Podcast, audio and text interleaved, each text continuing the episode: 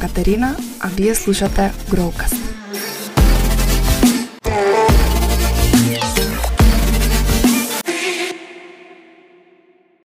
Здраво на сите и добре дојдовте во уште една епизода на Growcast.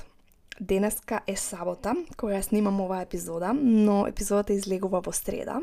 Зошто е тоа така? Затоа што од вторник официјално почнува мојот зимски одмор, односно одиме на скијање заедно со дечките Дино и овој пат ја земаме со нас и баба. И се надевам дека ќе успееме во нашата намера а, Марко, помалиот син, да си игра со баба му додека ние тројцата скијаме. Wish me luck за тоа. И заради тоа решив да ја снимам денес епизодава, за да можам малку да си ја растеретам следната а, недела, односно понеделникот кој следи пред да тргнам на одмор. И обично на тој начин ги планирам и ги снимам моите подкаст епизоди, не премногу однапред, но доволно за да можам да се организирам за а, следните недела до две. Во оваа епизода ќе зборувам на една тема која што имам чувство дека неколку пати ја имам спомнато, но многу на кратко, а никогаш не сум влегла во детали да зборувам за неа, а е еден елемент од мојата онлайн стратегија кој што ми има донесено најголем успех. И јас ретко се расфрлам со зборови како мора или не сме, но во случајов ќе кажам дека ова е елемент кој што сите кој што креирате некаков онлайн бизнис мора да го имате во вашата стратегија. Што е тоа? Тоа е newsletter. Ньюслетерот е еден елемент кој што јас со сигурност тврдам дека мора да го имате во вашата онлайн стратегија. И сега ќе ви кажам зошто.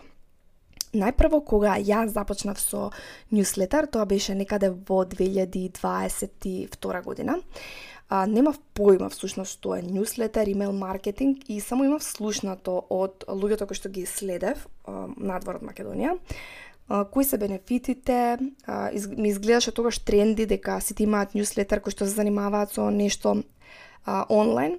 И иако немав намера јас да а, градам некоја голема ньюслетер листа и немав некоја замисла за тоа што понатака со таа ньюслетер листа, јас се решив да пробам да изградам одредена ньюслетер листа преку еден предизвик, односно организирав предизвик кој што беше мојот лид магнет, а, лид магнет е едно нешто кое што е бесплатно и кое што ги носи нашите потенцијални клиенти на нашата newsletter листа.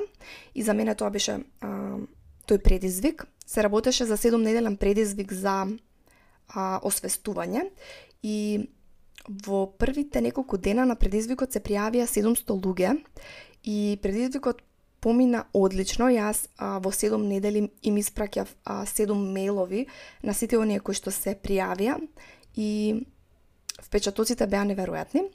Но она што беше поважно е што јас добив 700 луѓе кои што ми ја дадоа нивната доверба и ми ги дадоа нивните мејлови и се запишаа на мојата newsletter листа. Од таму почна се и од таму со тестирање на најразлични стратегии, јас ја градев мојата newsletter листа и денес е 2024 година февруари, јас веќе имам 2500 луѓе на мојата newsletter листа. Па пред да преминам на причините зошто велам дека newsletter е a must во вашиот онлайн бизнес, сакам да ви кажам најчестите три причини зошто жените во мојата околина, моите клиентки или оние кои што со кои што комуницирам не се одлучуваат да почнат ньюслетер и истите сакам да ги побијам, а тоа се следниве. Прво нешто е не знам да пишувам, не ме бива за пишување и Тоа би го побила со фактот дека ньюслетерот не мора да биде текст и не мора да бидете добри во пишување за да пишувате ньюслетер. Можете да смислите најразлични креативни начини да го споделувате редовно вашиот ньюслетер. Јас познавам ньюслетери кои што се исклучиво само со слики и познавам ньюслетери кои што објавуваат а, видеа познавам ньюслетери кои што ставаат само интересни цитати и тоа е нешто кое што е оставено на вас и на вашата креативност потоа. Второто нешто, односно втората причина поради која што многу жени не се одлучуваат да имаат ньюслетер е а, кој ќе ме чита или никој мене нема да ме чита. И тука ќе ви кажам дека сте во право, да, ќе има луѓе кои што нема да ве читаат, ќе има луѓе кои што ќе се ансабскрабнуваат од вашиот newsletter, но ќе има и такви кои што ќе ве обожаваат, ќе ве читаат недела за недела или месец за месец, како и да одлучите да биде динамиката на вашиот newsletter. И ќе има такви кои што ќе ја ценат вредноста која што им ја давате, едукацијата која што им ја давате, вниманието што им го посветувате, секоја недела, односно секој месец. На тој начин вие градите односи на доверба и односи на давање вредност со вашата публика, а таа публика која што ви е на ньюслетер, потоа ќе стане вашата а, најценета публика, односно вашата најзагреана публика, која што ќе биде прва што ќе ги купи вашите производи. И третото нешто е а немам време за ньюслетер.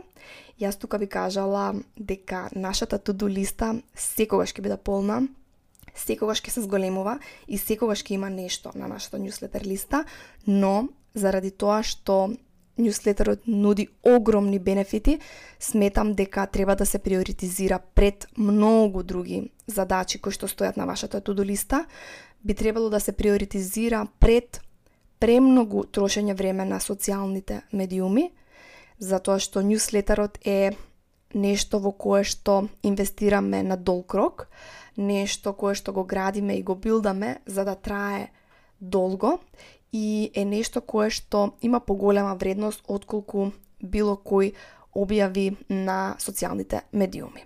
Затоа не се работи за дали имате време или не, туку дали ќе одлучите ньюслетерот да го ставите како приоритет во вашата онлайн бизнес стратегија. Е сега, доколку уште не сте убедени дека треба да започнете ньюслетер, сакам со вас да ги споделам четирите најголеми бенефити од започнувањето на ньюслетер листа. Првиот бенефит на ньюслетерот е тоа што го градите вашиот онлайн бизнис на ваша собствена платформа. Кога објавувате на Инстаграм или на некоја друга социјална мрежа, тоа е позајмено земјиште под наводници, затоа што а, самиот самата социјална мрежа не е во ваша собственост. Социјалната мрежа е во собственост на Instagram, Facebook, LinkedIn и така натака. И што ќе се случи ако еден ден одеднаш Instagram престане да постои или одеднаш вашиот акаунт се избрише? Како тогаш ќе служите на вашите потенцијални клиенти? Како тогаш ќе продавате? Како ќе давате вредност? Тоа не може да се случи доколку а, имате ваша newsletter листа, односно база на вашите потенцијални клиенти. Да, може би newsletter платформата која што ја користите може да пропадне, но вие за секогаш ќе ги имате имейл адресите од оние луѓе кои што ви ја дале вашат, ви ја дале нивната доверба, односно ги споделиле со вас е, нивните имейл адреси за е, возврат да добијат нешто од вас. Вториот бенефит на ньюслетер листата е тоа што не мора да се борите постојано со алгоритмот. На ньюслетер вие можете да ги изградите повторно сите директни односи и конекции со вашите луѓе, кои што може би изгледаат помалку изгубени на социјалните медиуми. И ньюслетерот е одлична шанса да се гради тој однос на доверба, да се даде многу вредност, вредност која што ја нема на ниту едно друго место каде што вие објавувате содржина. И со доследност и со конзистентност во вашата ньюслетер стратегија вие можете да постигнете а, голема доверба, а, можете да постигнете а, исчекување кај вашата newsletter листа, односно да го чекаат денот кога вие го објавувате вашиот newsletter и секогаш да го читаат во истиот ден и можете да постигнете и препознавање за тоа што на, на, на тој начин луѓето конзистентно и доследно ќе слушаат за вашиот бренд недела за недела, месец за месец и едноставно е директен начин за постојано да бидете контакт со а, вашите потенцијални клиенти наместо да го чекате тоа од алгоритмот на социјалните мрежи. Третиот бенефит на ньюслетерот е тоа што можете да мерите а, колку е успешен и тоа колку е успешна секоја поединечна кампања, односно секој поединечен испратен мејл можете да мерите колку луѓе го отвориле и тоа кои точно луѓе го отвориле, можете да мерите колку луѓе кликнале на линкот и според тоа да знаете колку е вашата conversion rate, односно колку луѓе купиле, можете да мерите а, кој го интересира каков тип на мейл и кои наслови подобро генерално а, поминуваат кај вашата публика. И со сите овие информации можете да креирате а, таков имейл ньюслетер што ќе им дава на вашите читатели баш тоа што сакаат. И мислам дека не постои подобар начин за инстант фидбек од други. И четвртото нешто, што според мене е нешто најважно и што не може да се побие, е вредноста. Односно, според најновите статистики, за секој 1 долар потрошен на нашиот ньюслетер, повратот на инвестицијата е 42 долари. Ова го прави ньюслетерот најефективниот продажен канал, што е случајот и кај мене во мојот онлайн бизнис, односно најголем дел од продажбата јас ја правам преку ньюслетер.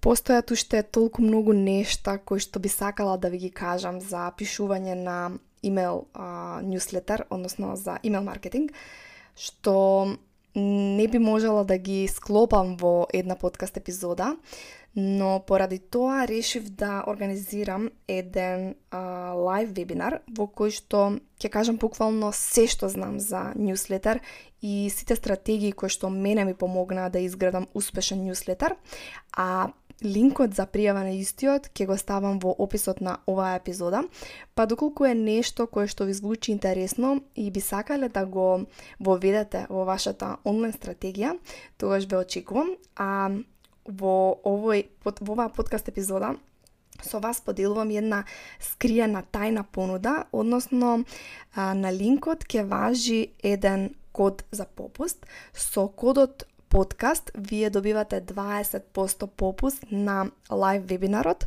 па доколку сакате да го искористите, тоа можете да го направите до следната недела, односно до 6.3 и се надевам дека ќе бидете дел од тој лайв вебинар. Па едва и чекам да видам кој се ќе се пријави и кој се е заинтересиран да го воведе ньюслетерот во својата онлайн бизнес стратегија и едва и чекам да видам што секи ви донесе тоа и да ви докажам колку е моќен ньюслетерот, доколку ви интересира нешто повеќе околу а, тој вебинар, а, ве очекувам со пораки на Инстаграм или пак на мейл. И знаете, за да го поддржите овој подкаст, а, можете да оставите рецензија или коментар, или пак да го споделите на вашите социјални медиуми. Се слушаме за две недели. Најдобар начин да го поддржите овој подкаст е преку оставање рецензија или со споделување на истиот на вашите социјални мрежи. До следната епизода, let's grow!